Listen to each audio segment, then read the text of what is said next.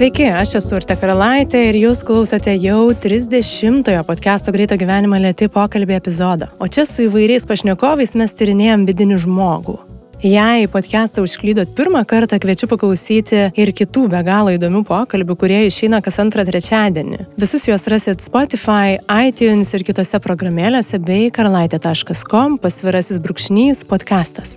Šiandien kalbuosi su Rimvidu Valatka, turbūt tiek pasakyti iš tiesų ir pakaktų. Aš tik dar pridursiu, kad netikėtai susipažinusi su Rimvidu, o vėliau ir ruoždamasi jau mūsų pokalbį, supratau, kad kalbinsiu kiek kitokį žmogų, nei mes esam pratę matyti kažkokiuose tai TV diskusijose ar kritikos žodžio nebijančiuose komentaruose. Rimvidas man dar kartą priminė apie žmogaus daugiasluoksniškumą ir knygas, apie kurias nederėtų spręsti nei iš viršelio, nei iš pirmos pastraipos.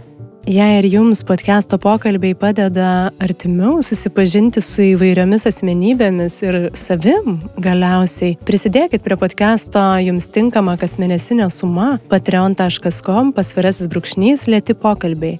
Jei dabar prisidėti finansiškai negalit, viskas tvarkoja, pasidalinkit labiausiai palietusių jūs pokalbių socialinėse medijose ar tiesiog savo draugų rate. O šį kartą prie podcastų draugų prisijungia Gabrielė Stončiūtė, Kristina Kurilaitė ir Ingrida Mikėnaitė Alminė. Mūsų visus auginančius pokalbius padeda kurti Benedikto Gilio fondas, podcast'o garso kokybę rūpinasi garso reklamos studija Drop Audio, o studija ir įranga dalinasi Vilniaus universiteto radio stotis Start FM, kurios gali klausyti Vilniuje FM dažniu 94,2 arba internete adresu startfm.lt. Ačiū labai visiems. Podcastas iš tiesų jau gyvas tik tai jūsų dėka.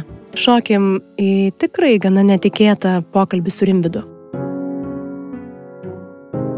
Man patinka žmonės, man apskritai patinka protingi žmonės, kurie žaidžia, kurie nesiparina. Kadangi aš pokalbį montuoju, tai bet koks klausimas, kuris netinka, jums neįdomus, netaktiškas, galit kelt ranką arba sakyti. Nėra tokių. Gerai. Malonu Jūs matyti. Mes e, susipažinome gyvai neseniai e, tokioj e, man neįprastoje aplinkoje, Vilniaus klube. Aš ten atsiradau atsitiktinai. Jūs ten moderavote diskusiją, ar ne? Ir prie vandens taurių, kaip ir dabar sėdime, susitikom ir aš tame renginyje iš smalsumo atsiradau. Ir smalsumo vedina aš dažnai atsirandu tokiuose tolimose man aplinkose. Tai čia įdomu, gal aš nuo to ir norėčiau pradėti. Jūs pats sakot, kad būtent jūsų amatui, žurnalistikai, kuo jūs gyvenat daugybę metų, būtent to smalsumo, nerealaus smalsumo, kaip jūs sakot, labai reikia. Ir šiandien galima pastebėti ypatingai gal ir jauno žmogaus tam tikrą demotivaciją, apatiją, to smalsumo nebuvimą. Kas jūsų tą smalsumą uždega, varo ir ar, ar jisai banguoja?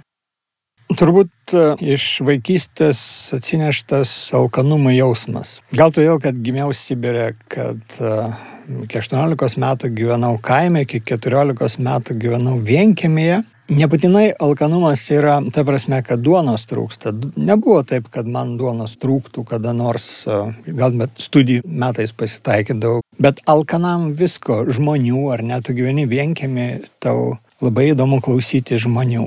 Man įdomu klausytis protingų žmonių arba apskritai mokančių pasakoti istorijas. Tu esi alkanas žmonių, alkanas įspūdžių, nes, na, kas rytą yra ta pati kūdra, pieva, pagegužio miškas ar ne, ir tu nori ko miesto. Man palanga, kadangi netoli buvo, man labai ilgai buvo didmiešio sinonimas, paskui, aišku, tas sugriuvo, bet tas alkanumo jausmas yra toks, kad nepasotinamas ir man visko reikia. Vat jūs sakot, kad atėjote į Vilniaus klubą smalsumo vedama, tai šiandien eidamas čia galvojau, kaip aš norėčiau gyventi, ar ne?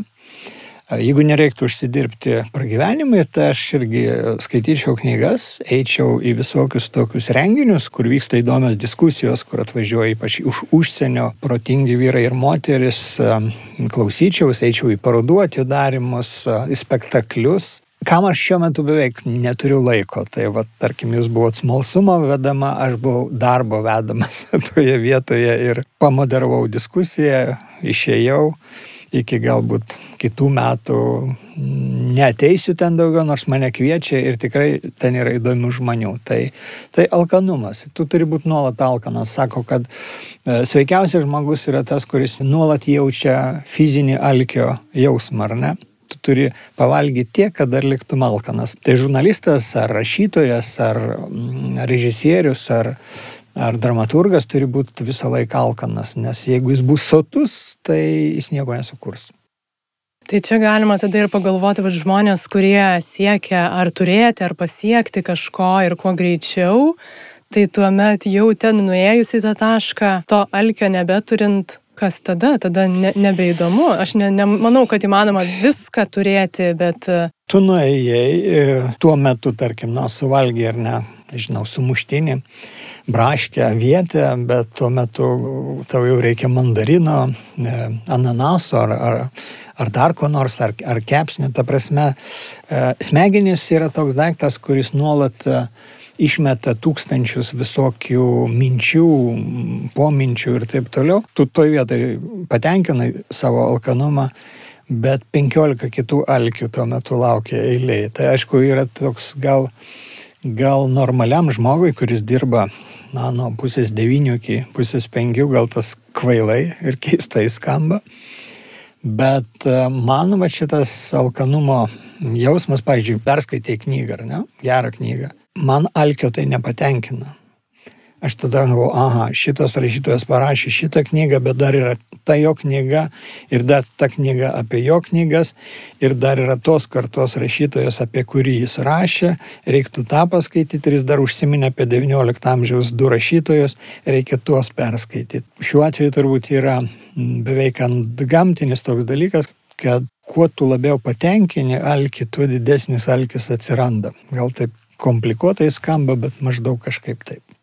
Minėtas renginys, kur jūs moderavo diskusiją, ten diskusija tikrai buvo įdomi ir tokia, sakyčiau, švelni. Jūs e, akilai stebėdamas ir politinius įvykius ir komentuodamas nebijot e, aštresnių diskusijų ir konfrontacijų, nedrįščiau gal jau sakyti konfliktų, nežinau ar tokių yra buvę, Ar būna, kad e, diskusijos e, kažkokios e, procese jūs pasijuntat neteisus, galbūt ir prieš save patį ir galit pakeisti savo nuomonę, krypti, atsiprašyti, pasukti į kitą pusę?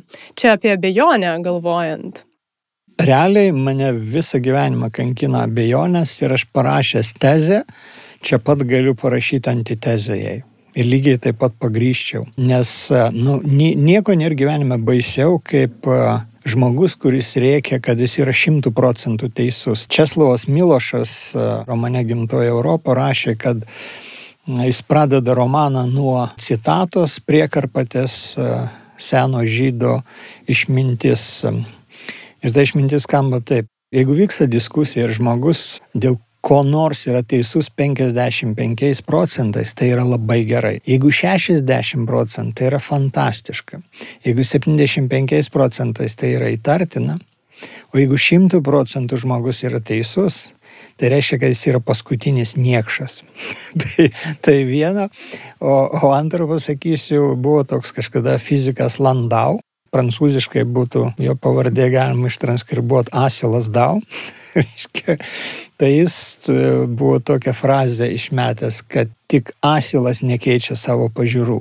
Iš tiesų, žurnalisto veikloje negalėtum tu dirbti, nes žurnalistas dažniausiai išmeta tai, ką jis šiuo metu žino ką tu dabar supranti, kiek tu žinai, bet e, po valandos ar dviejų tu gali pamatyti laidą, perskaityti knygą arba tau gali atnešti kokius nors dokumentus, kurių tu neturėjai ir staiga paaiškėja, kad tiesa yra 20 procentų, kitoje vietoje 30 arba netgi ir 100 procentų. Tai šiuo atveju reikia prisiminti vieną paprastą iš krikščionybės ateinantį dalyką, kur kunigas sako prie kapo dobės. Iš dulkės kilęs, į dulkę pavirsi. Tu esi dulkė ir, ir įsivaizduot, kad tu čia gali valdyti pasaulį, tvarkyti likimus, versti ministrus e, ir taip toliau yra pati didžiausia klaida, turbūt ne tik mano profesijoje, bet ir bet kurioje kitoje.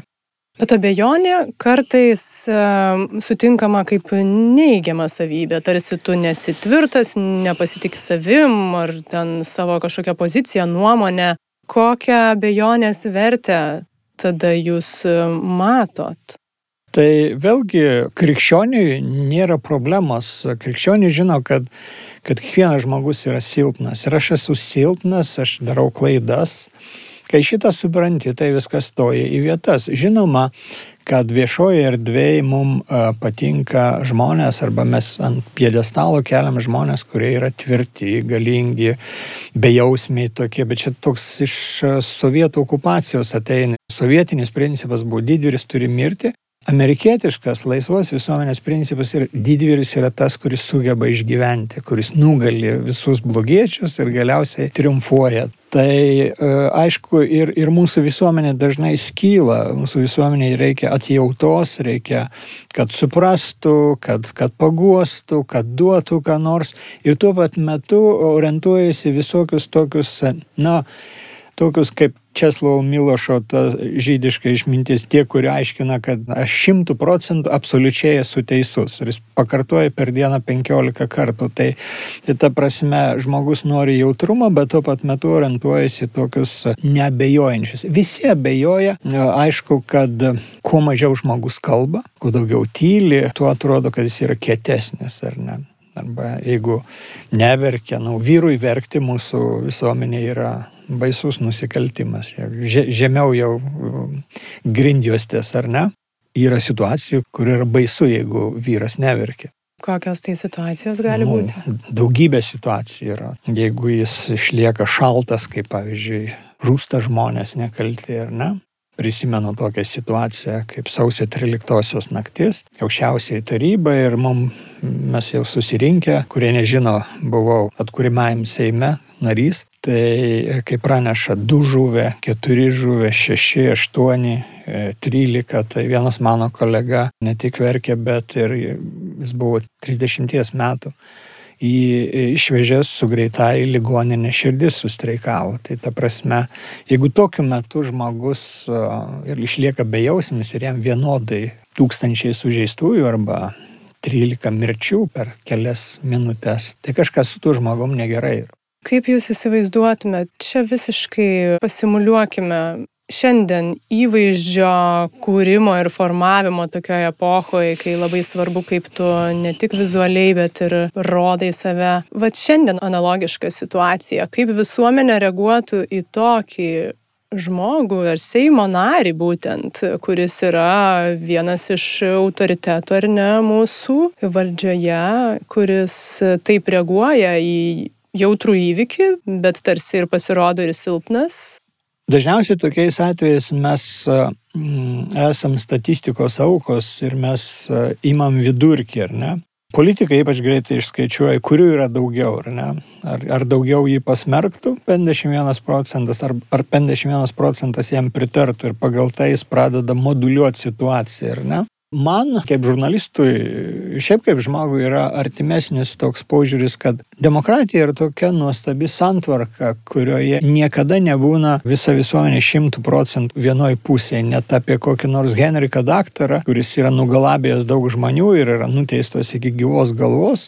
Man taip atrodo kartais, kad koks penktadalis žmonių yra jo pusėje. Nežinau kodėl, bet demokratijoje visuomenė labai greit pasidalyja į dvi dalis. Viena dalis būna mažesnė, kita būna didesnė, apylygiai būna labai, labai retai ir aš sakyčiau, kad tai yra pati geriausia savybė. Tai net pavyzdžiui, jeigu tu verki ar, ar, ar ten kvailai atrodai, suduodi smūgį savo įvaizdžiui, tai žmogus turi žinot, kad vis tiek koks penktadalis arba ketvirtadalis žmonių visada liks su tavim, tu niekada neliksi vienas ir tai yra svarbiausias dalykas. Žmogui yra baisiausia likti vienam, ar ne? Pavyzdžiui, vienam su nu, mirtis, ar ne, yra baisus dalykas. Mes gyvenam Ir nepriklausomai nuo to, ar gražiai gyvenam, padoriai ar nepadoriai, rezultatas yra tas pats. Tai žmogų varo iš proto. Geriau apie tai negalvoti. Tai, tai šiuo atveju nieko, niekas nepadės, bet, bet visais kitais atvejais, jeigu mes žinom, kad su mumis kažkas yra, už, už tavo nugaros stovi, tai pasidaro daug ramiau. Ir tada turbūt e, būtų geriau, kad visi tie, kurie, na, kaip čia pasakyti, iš paskutinių įkūrė įvaizdį, ten montuoja iš savęs nežinia ką. Būtų gerai, kad jie žinotų, juk ne visada to reikia, kad kartais galima, kaip ten amerikonai sako, take it easy ir viskas bus gerai. Dar prieš tai minėt klaidas, tai noriu grįžti truputį prie atsiprašymo. Tas veiksmas visgi yra sudėtingas. Daugumai vaikystėje esam išmokyti, kaip atsiprašyti, pasakyti daugiau taip nedarysiu tampa tokiu lengvu tarsi veiksmu, ypač jau kažko norime gauti, vėliau tampa vis kebliau. Kodėl tas savo klaidas iš tiesų yra sunku pripažinti ir atsiprašyti ir vat, grįžtant dar prie klaidų, abejonių, tokio tarsi netvirtumo. Mūsų valdo puikybė. Nu, žmoguje grumėsi nuolat kiekvieną akimirką Dievas ir, ir šitonas. Ir net turiu netgi tokį posakį beveik matematinė, kad e, blogis nugali kasdien, o gėris iš principo kada nors, ar ne? Nu, tarkim, net ir imkim mūsų tautos istoriją, ar ne? Mes buvom okupuoti dviejų okupantų pailiui 50 metų. Tai blogis laimėdavo 50 metų kasdien, kas mėnesį, kas savaitę, kiekvieną minutę. Bet vieną dieną iš principo jis pralošė ir, ir, ir gėris nugalėjo. Aišku, daugybė žmonių, kurie, tarkim, mirė tarp 41 ir 90 metų, jie ir mirė galvodami, kad blogis nugalėjo, apskritai, kad blogis nugali. Tai, va, ir, ir čia yra dar tikėjimo dalykas. Tu tiki ar netiki, kad gėris kada nors gali nugalėti. Tai jeigu šitą žinai, tai ir žinai, kad, kad puikybė yra šetono pramanas ar ne. Ir jeigu prisimeni kartais, tai žinoma, atsiprašyti nėra lengva, todėl kad tu turi viešai pripažinti savo klaidą. Tas nėra malonu, ypač jeigu dar su tam tikra mm, fanaberija reiškia tą klaidą ar ne. Tai yra sunku, bet palengvėjimas ateina tai padarius. Tada tu jautiesi, nu, irgi nugalėjęs iš principo, ar ne? Jūs minit e, tą blogį, gėrį ir viltį. Kartais e, pažiūrėjus ypatingai šių dienų žiniasklaidą, dar mėgstanti iškelti visą purvą į viršų, kurio netrūksta. Netrūksta melo, apgaulių, korupcijų, kaip be pažiūrėsi. Įdomu, kas tą viltį ir tikėjimą žmogumi gali dar išlaikyti, jeigu iš tiesų žmogus labai daug blogo daro. Jau pats iškelimas į paviršių korupcijos ar ne nusikaltimų arba tokių dalykų, kaip pavyzdžiui, ministras pirmininkas nusitėsė savo kelią už mūsų pinigus, už 300 tūkstančių eurų ir sako, kad aš nežinojau, ar ne? Tai jeigu grįžtume prie atsiprašymo, tai šitoj vietoj labiausiai būtų tikė me kulpa, me maksima kulpa, mano kaltė, mano didžiausia kaltė. Ir reikalas būtų buvęs uždarytas amžiams aš suklydau, aš padariau negerai. O dabar mes valkiosim šitą klausimą ir po metų, ir po penkerių metų galbūt, ir vis prisiminsim. Tai iš tiesų e, viltį suteiktų tai, jeigu žmonės, ypač kuo aukščiau iškyla žmogus, tuo jam keliami didesni reikalavimai. Ir, ne? ir ypač jeigu jis dirba ne savo, nu, tarkim, verslininkas, kuris pats sukuria pridėtinę vertę ir gauna pelno, nu, iš principo jisai gali daug ką nekreipdėmės, bet paprastai jie kreipia dėmesį dar daugiau. O jeigu žmogus gyvena iš visų mokesčių mokėtojų, didina jiems mokesčius, tai žmogus turėtų taikyti savo didesnius reikalavimus. Kartais iš tiesų, va, šiuo metu mes gal, gal išgyvenam regresą.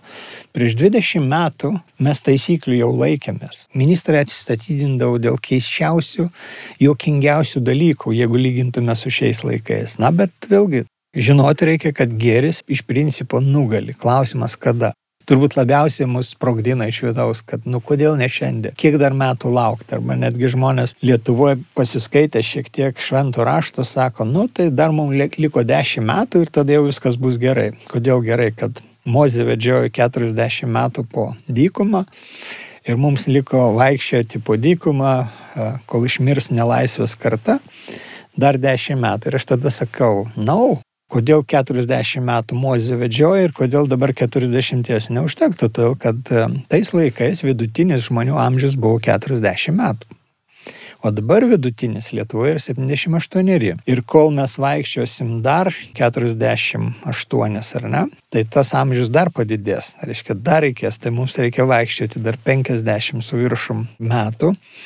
Ir atstiga žmogus pažiūri, kaip čia taip, šventam rašte parašyta 40 ir dabar turi būti 40. Tai ilgiau gyveni, ilgiau procesai trunka. Bet vėlgi, na, nu, kaip tikėjimas yra. Aišku, jeigu žinia, prie žiniasklaidos grįžti, bėda yra, kad e, per skubėjimą, per darbo rankų neturėjimą e, mes e, paviršutiniškai tos dalykus paimam. Kartais tai atrodo kaip pikdžiuga, ar ne, kad ten kokį ministrą nutvėrėm, prikalėm jį prie kryžiaus ir atrodo, kad nu, kaifuoja tai aprašantis, rodantis žmonės. Tai yra ne pats geriausias dalykas, bet aš suprantu, kodėl tai vyksta. Jūsų klausime yra, na, toks, nu, nerimas, kad čia per daug blogio, nes su blogiu yra taip, ne tai, kad jo yra per daug, ar ne, bet tai, kad žmonės, kurie su tuo blogiu sukasi, ar ne, nu, dalis džiaugiasi tuo, kažkas įkliuvo, ar ne. Tai aišku, tą turbūt kampą mums reiktų pakeisti žiūrėjimo į blogį. Dar galvojant ir gal e, panašias situacijas, e, naudos norėjimas savo, e, kitų sąskaitą kažkaip leidžia žmogui pasiteisinti ir, ir kažkaip įtikina save, kad verta apgaudinėti, vokti bet kokią kainą.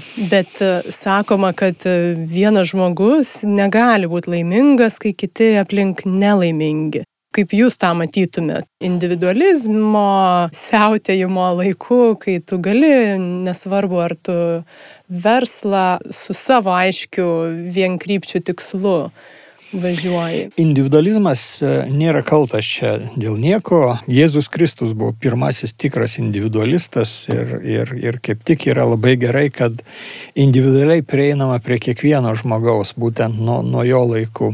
Bėda yra tame, kad vat, jūs labai teisingai suformulavot, aš nebūsiu laimingas, jeigu aplink bus nelaimingi žmonės. Tai tik rodo, kad tie žmonės, kurie siekia naudos bet kokią kainą, kitų žmonių sąskaita, jie ir nėra laimingi. Vat jie pirmiausia ir yra nelaimingi, nes individualizmo esmė, liberalizmo esmė, o liberalizmas tai individualizmas, kokia yra. Mano laisvė baigėsi ten, kur pradeda trukdyti jūsų laisvė. Jeigu aš sėsiuos ant jūsų kėdės, tai jums bus nepatogu ir nemalonu. Reiškia, aš turiu sėdėti ant kitos kėdės arba ant grindų atsisėsti ir tada vis, viskas bus gerai. Tai iš tiesų e, blogai yra, kad žmonės, ypač nelaimingi žmonės, jie galvoja, kad tarkim padidinę savo pinigų kiekį, nulį prirašę arba du nulius, kad jie atras laimės formulę, bet nelaimė tada tampa dar didesnė. Nelaimingumas didėja, didėjant pinigų kiekiui. Šiuo atveju alkanumas veikia prieš, prieš patį žmogų. Kad žmogus na, gerai pragyventų, iš principo reikia nemažai pinigų kai jam nebereiktų rūpintis, kaip vat, rytoj neuždirbsiu, neturėsiu duonos. Aš tikiu, kad daug verslininkų Lietuvoje jau yra tą supratę. Jie jau artėja prie 60-70 metų. Perims jų vaikai, aš tikiuosi, kad jie iš pat pradžių jau šitą supras. Bet mes tebesam pradiniai kapitalizmo statybos stadijoje. Tai daugeliu žmonių atrodo, kad užtenka turėti maišą pinigų ir viskas bus gerai nebus viskas gerai. Pirmiausia, pasitenkinimas žmogui ir laimės indeksą garantuoja dorai uždirbti pinigai, ar ne? Aš sugebu, aš tai padariau. Pavyzdžiui, netgi kartais aš pagalvoju, kad aš visą gyvenimą svajoju nieko neveikti. Ir būčiau laimingas, jeigu turėčiau iš ko gyventi. Bet, pavyzdžiui, dabar aš pagalvoju, nu, tarkim, išloštum loterijų, nežinau, milijoną ar, ar daugiau. Ir aš pradedu svarstyti, aha, tai ką, tai šito darbo atsisakyčiau, nes čia man per daug ir čia man per daug ir to. Ir paskui galvoju, o tai iš ko aš malonumą gaučiau? Dabar man teikia malonumą, tarkim, nu, perskaitai radio komentarą, ten gauni 20 ar 30 eurų.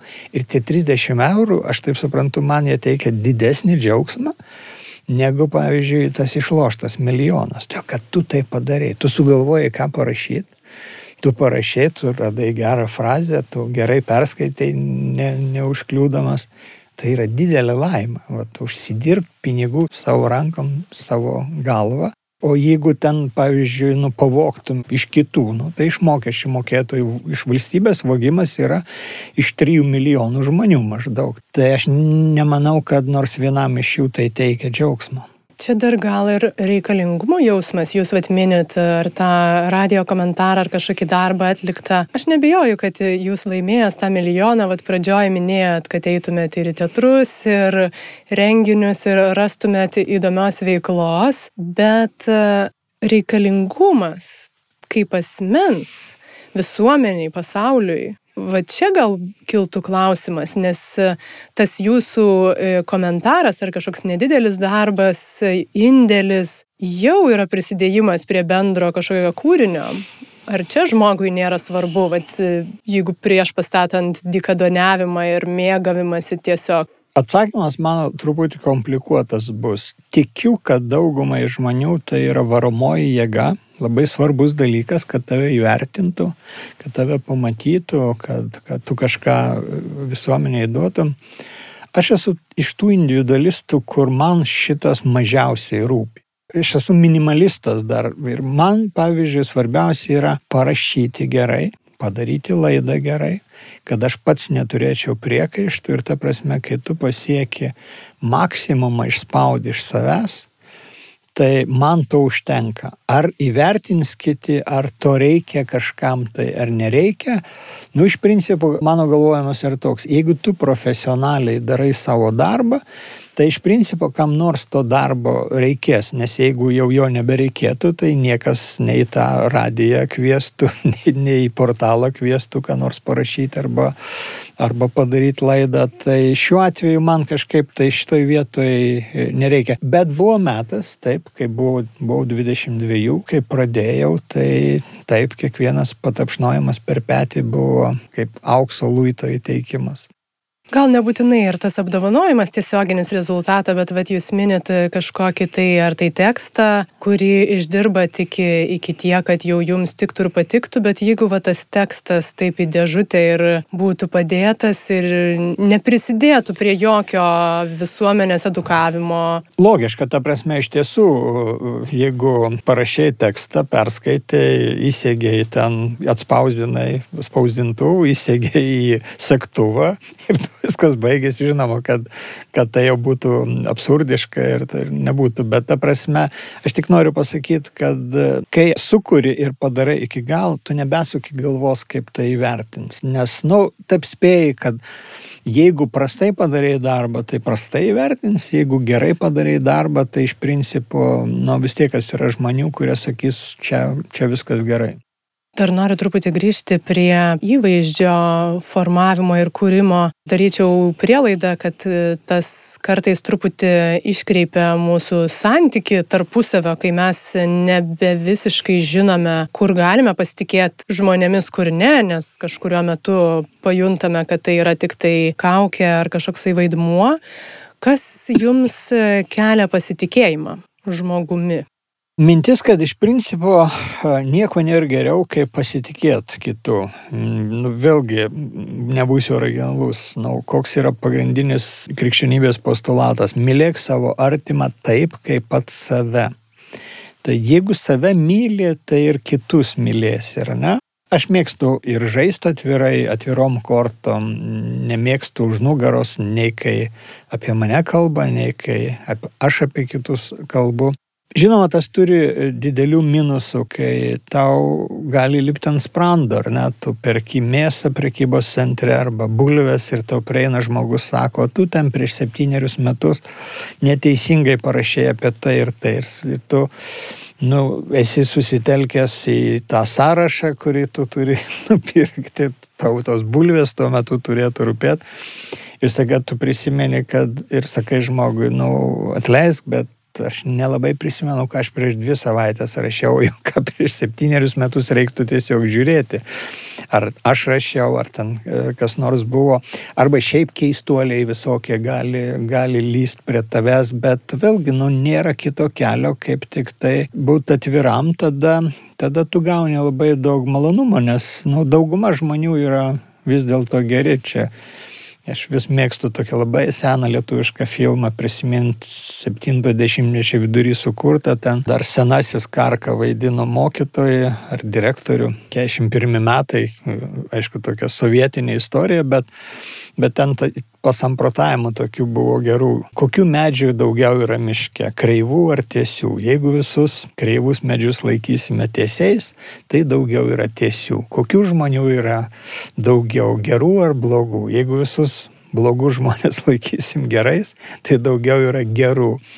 Na, sakyčiau, kad nu, tokia formulė, kuri išsprendžia pasitikėjimo, tikėjimo klausimus, um, niekada nebus taip, kad mums nu, viskas patiks. Eini gatver, ne? Jeigu esi bent kiek žinomas, tai turi žinoti, kad jeigu tavo batai bus nevalyti, tai žmonės pastebės. Jeigu į kaušęs eini, tai irgi pastebės. Tai aš prisimenu, kaip iš tiesų vat, buvo po pirmo kurso einu, Gedmino prospektas tuo metu vadinosi Lenino prospektu, nuo žverino tilto iki katedros nuėjau ir ne tik, kad ne vienas žmogus manęs nepažino, aš ne vieno žmogaus net pagal veidus net pažinau ir tokia mintis kilo, vat, Gal reiktų padaryti taip, kad šitas miestas mane įsidėmėtų ar pažintų.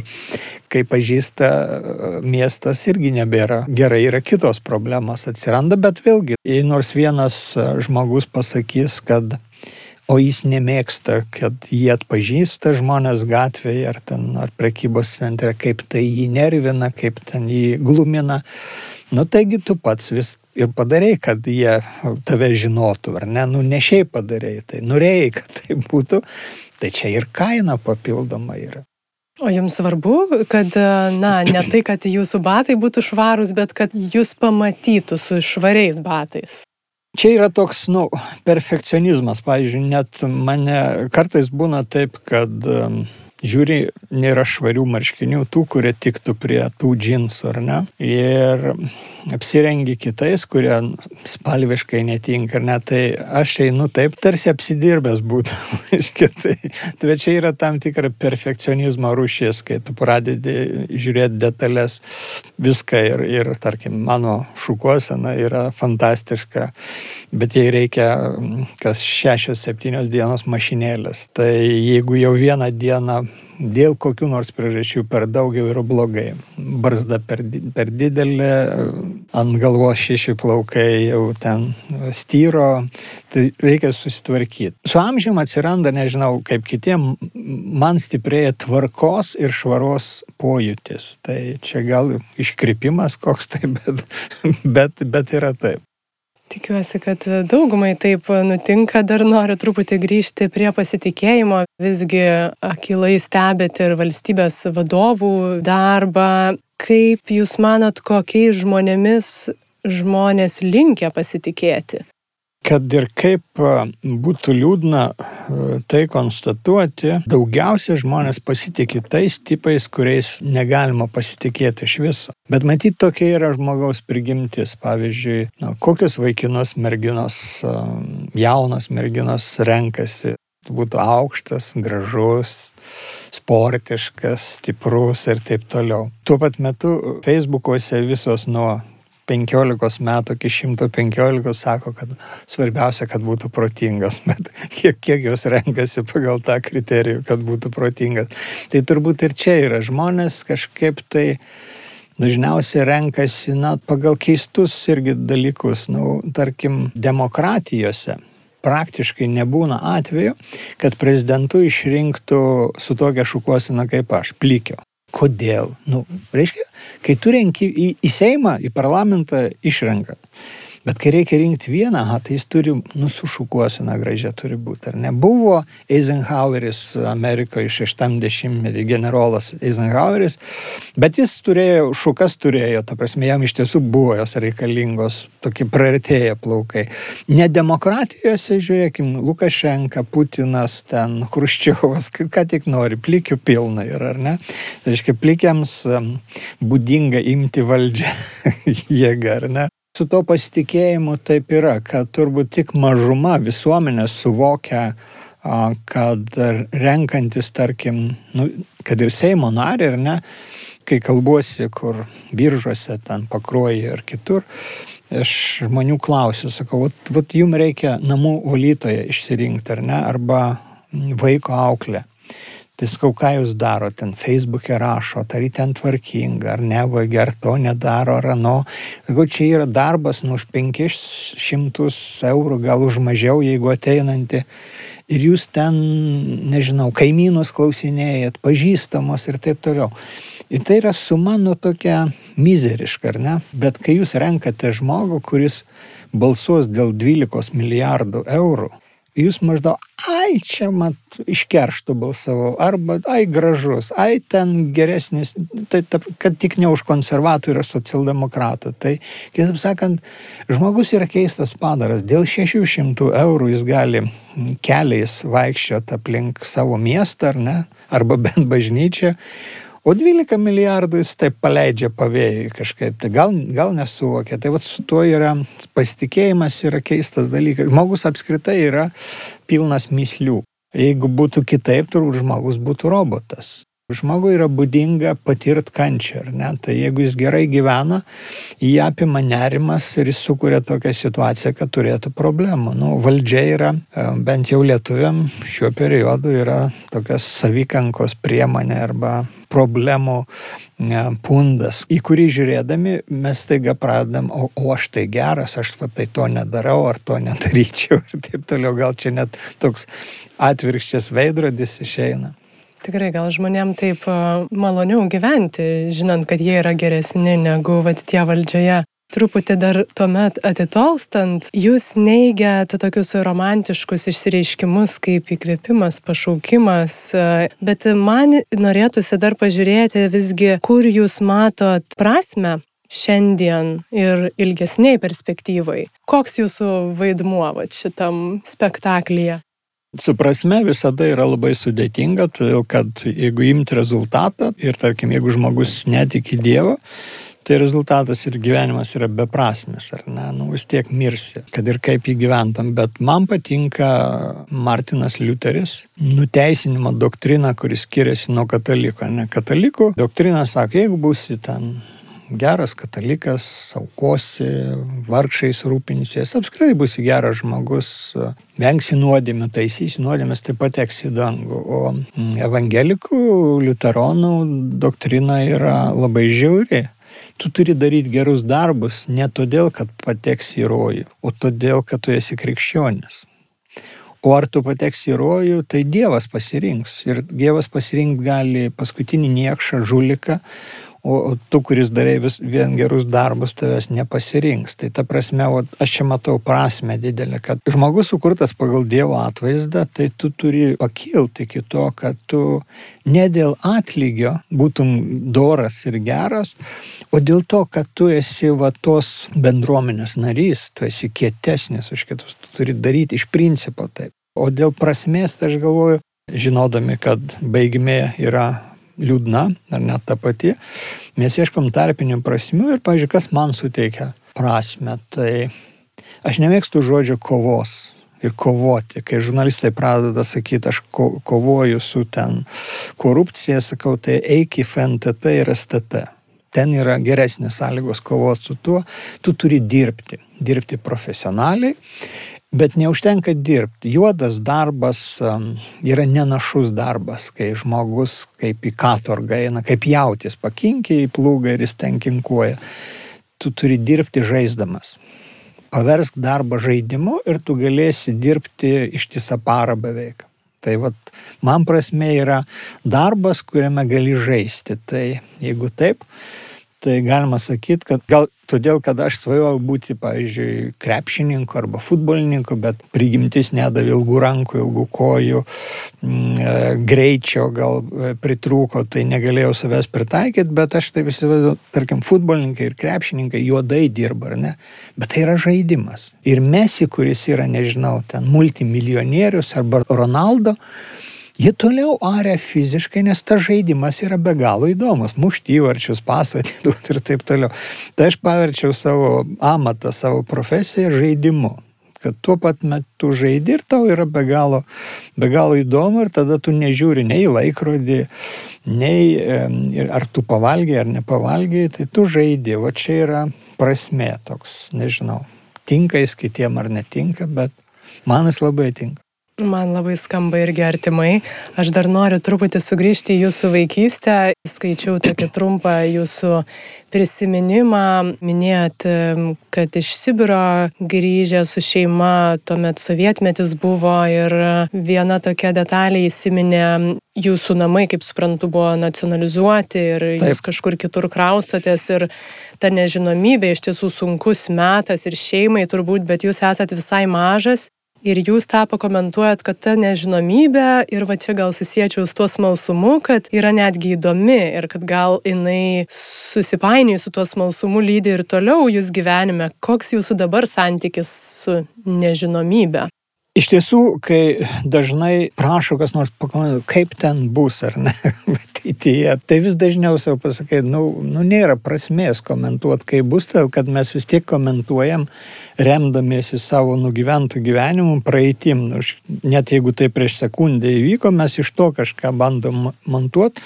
Nežinomybė iš tiesų yra jūs tą priminėt vaiko akim, aš prisimenu, ten buvo kelios spintelės turbūt, ten maišas gal bulvių, nu, tokios vežėčios, kaimiškos ir mane kaip maža, aš galėjau būti dviejų su pusę metų ir mano pirmas prisiminimas, ne, antras prisiminimas yra, mane užtupdo ir veža ir aš nežinau, kur, kur važiuoju, tėvai aišku sakė, kad važiuojam, gyvensim name, kurį bočius pastatė, ten pusėje namo, bet iš tikrųjų va, tas važiavimas, atrodo, va, aš kaip dabar prisimenu, nežinai, kur važiuoji. Suaugęs, pavyzdžiui, žinot, tu skrendi į Braziliją, tai tu ten internete pažiūrėjai ir dažnai yra pležai, ten Kristaus skulptūra, džiunglės, Amazonė, taip toliau. Vaikas nieko to neturi, nėra interneto, jis turi tik tai patirti ten aštuoniese ar dvylika žmonių vienam kambarį gyveno iki tol, jam buvo gerai, dabar tu važiuoji kažkur, tai būsi kažkur kitur, tai tu jautiesi, kaip, nežinau, Kolumbas, Magellanas turėjo jaustis, jie kažkur plaukė, ar ne? Kur plaukė ir atplaukė ir pavadino tą vietą ten, kur plaukė, Indija maždaug, bet ten buvo visai ne Indija.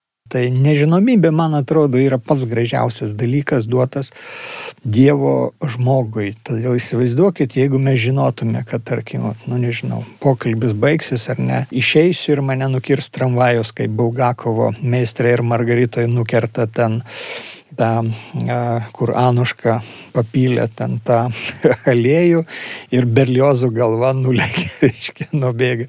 Tai e, Velnes Volandas tą žino, tai jis yra Velnes, bet jeigu žmogus žinotų, kad, tarkim, liko tau, nežinau, 15,5 paros gyventi, tai, tai 15,5 paros pragarų pavirstų, ar ne? Nežinomybė yra gražu. Net ir, pavyzdžiui, 90 metų žmogus sulaukęs, jis svajoja, ar ne, dar kažką. Šimtmetį šventę atšvesti, ten dar kažką. Sveiką protą išlaikyti. Nežinomybė yra duotybė, kurią galbūt mes per mažai vertinam. Dabar jūs minėt, kad iš tiesų tos nežinomybės žymiai mažiau yra, kai mes, na, tokių apčiopiamų dalykų vis daugiau galim sužinoti. Dar noriu pribėgti prie valstybės vadovų, kažkaip čia priešokiais vis grįžtam. Jūs kalbėdamas apie asmenybę, kuri, kuri tiktų tokiai pozicijai, minit, kad gebėjimas mylėti žmonės su visom jų nuodėmėm yra svarbus. Ir dabar galvojant apie mus, mirtinguosius, e, nekandidatuojančius, bent jau už save galiu atsakyti, suprantu, kad atleisti, pamiršti, paleisti yra sudėtinga.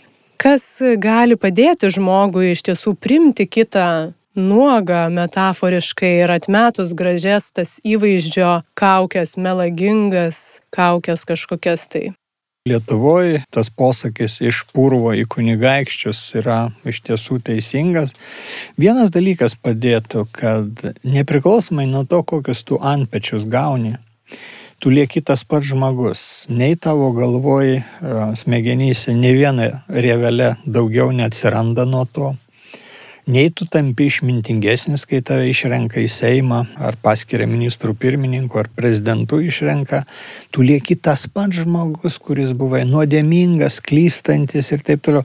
Jeigu šitie žmonės sugebėtų va, tą vieną mintį užsirašyti savo, nežinau, jeigu vyrai ten to veidrodžio, kur barzdas kutasi kiekvieną rytą, jeigu moteris irgi turbūt ant veidrodžio, kur, kur nosytę pudruoja. Lietuvoje taisyklė yra tokia, vos tik jį išrinko, jis įsivaizduoja, kad tapo protingesnis už Mahatma Gandhi turtingesnis už visus kitus ir tada jau visi jam turi tarnauti. Šokdina e, mokykloje, jeigu vaikų turi mokytojus, jeigu susirga, tai visa, visos klinikos su generaliniu priešaky išsirikiuoja, jam reikia pagarbos, jo nebegalima kritikuoti ir taip toliau. Bet čia ir tas susiveda. Meilė savo ir meilė kitiem yra tampriai susiję. Man atrodo, kad šitaip elgesi žmonės, kurie nemyli savęs. Ne nekenčia savęs ir ieško per išrinkimą, ieško savo nuteisinimo. Jie galvoja, kad jeigu jau jie pakils va ten taip aukštai, tai jie kažką tai atras savyje tokio, ko nebuvo, neturėjo. Tai man, man čia yra na beveik galiu sakyti, slėpinys, kaip žmogus taip išprotėja, gavęs pareigas, tai man tebėra labai didelė mislė. Ir aišku, pagundos ir aš, dviejus su pusę metų buvau aukščiausioje taryboje atkuriamajam Seime, man tai buvo iš tiesų labai nekomfortiška ten būti. Todėl, kad aš, kai buvau žurnalistas, aš ir maščiau taip pat, jeigu tu randi ką nors blogo, tu turi pranešti iš karto.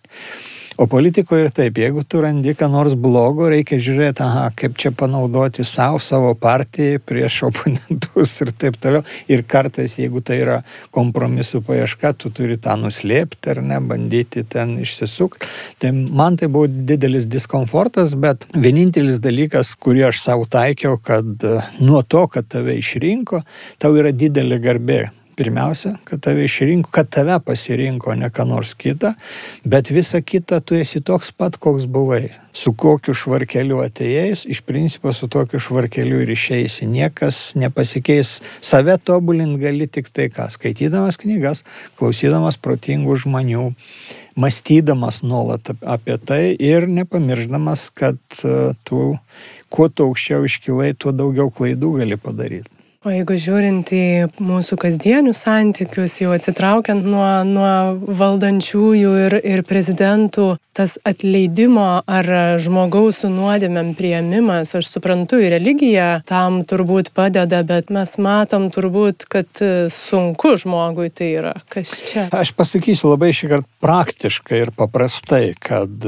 bet dar sunkiau yra gyventi su neapykanta kam nors arba su keršto jausmu, jeigu tu įsivaizduoji, tėvai sugalvoja, kad aš atkeršysiu šitam tipui, tai eina metai, dviejai, trejai, o tu su tą mintim gyveni, tu naikini save iš vidaus, naikini savo lasteles, tai geriau yra pasakyti taip, kad e, dažniausiai, nu, vat, kaip geris nugali iš principo, dažniausiai visi tie žmonės, kurie man ką nors blogo padarė, juos kažkaip tai gyvenimas nubausdavo ir net per žiauriai, man, man būdavo jų gaila. Tai tiesiog yra praktiška, naudingiau yra atleisti, negu gyventi neapykantoje, ar ne? Ir pavyzdžiui, nusakysim, Visokių patirčių esu turėjęs, nekartą buvau vedęs, tai e, žinau, kad geriausia yra susipykus iškart susitaikyti. Neprarasi laiko. O blogiausia yra mėnesį nesikalbėti, 2-3 mėnesius, nes po to galiausiai ateina momentas, kai nebėra apie ką kalbėti ir apskritai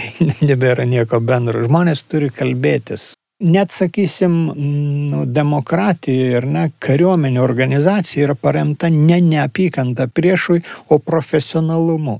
Tu išmoksti valdyti ginklą taip, kad tu būtum geresnis ir jį nugalėtum.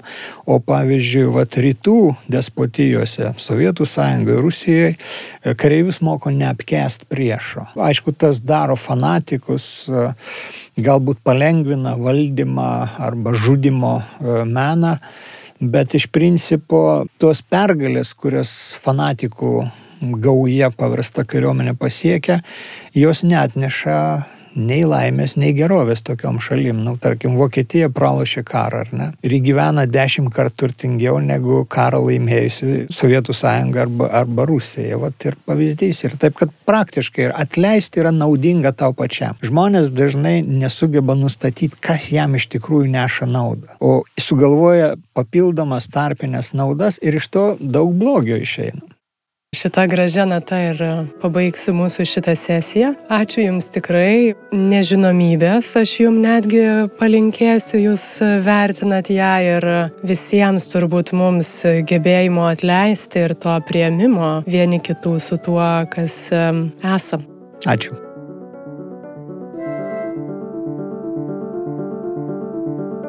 Ačiū, kad klausėtės jau 30-ojo epizodo. Net nebejoju, kad iš šio pokalbio tikėjotės kažko kito.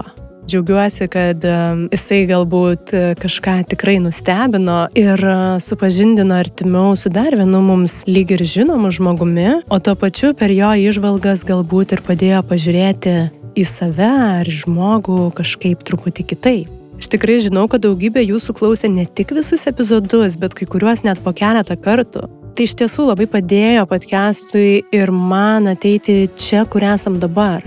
Buvo iš tiesų labai sunku nepasitikėjimas savim ir savo gebėjimais nubraukdavo viską, ką be padarydavau. Būtent todėl nuolat ir kartoju, kad tai, ką čia turim, sukūrėm visi kartu.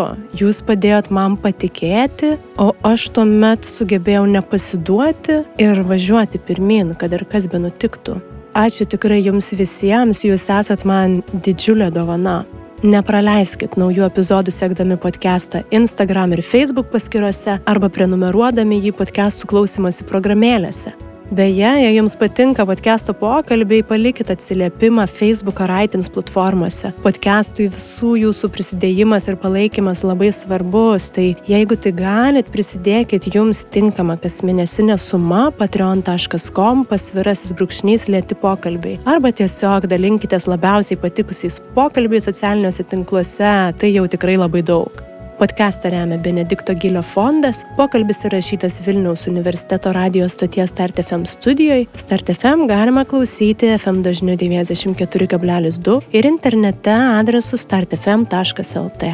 Ačiū visiems. Nebijokim būti pažeidžiamais, tikrais ir silpnais. Šviesių jums artėjančių švenčių. Su jumis podcastas Greito gyvenimo lėti pokalbiai ir aš Urte Karalaitė. Iki kitų metų.